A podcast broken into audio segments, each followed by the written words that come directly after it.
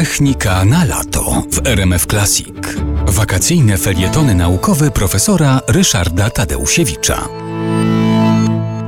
Namawiając Państwa do tego, aby zwiedzając Kraków zainteresować się mostami, które przekraczają Wisłę i stanowią element pejzażu miasta, chcę Państwu opowiedzieć, namówić do zwiedzenia most Dębnicki. Most Dębnicki to most, który jest przerzucony przez Wisłę bezpośrednio u odnóża Wawelu. Jest to most, który początkowo był mostem kolejowym. W 1886 roku został zbudowany przez Austriaków. Kraków był wtedy w zaborze austriackim i Austriacy łącząc ze sobą forty, które miały uczynić z Krakowa miasto właśnie takie no, obronne, tworzyli tak zwaną kolej obwodową. Obwodową w sensie tego, że obwodziła centrum miasta i po obrzeżach miasta miała dowozić do, do fortów wszystkie rzeczy, które tam były potrzebne. Tą akurat kolej, która biegła do mostu Dębnickiego uwiecznił Wyspiański, dlatego że mieszkał bezpośrednio przy przebiegu właśnie obecnych Alei Trzech Wieszczów, a wtedy właśnie tego nasypu kolejowego. No i rysując swoje pastele narysował także właśnie ową kolej obwodową.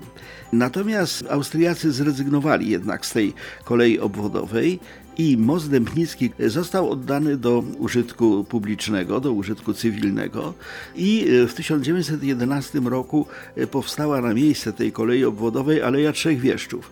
No i w tym momencie ten most stał się mostem ogólnie dostępnym do transportu kołowego, do transportu pieszego. Ma 157 metrów długości, 19 szerokości i jest za mały, dlatego że w bardzo ważnym miejscu miasta wiąże że prawo i lewostronną Wisłę. Co jest ciekawe, otóż most Dębnicki został tak zaprojektowany, żeby nie zasłaniał widoku na Wawel.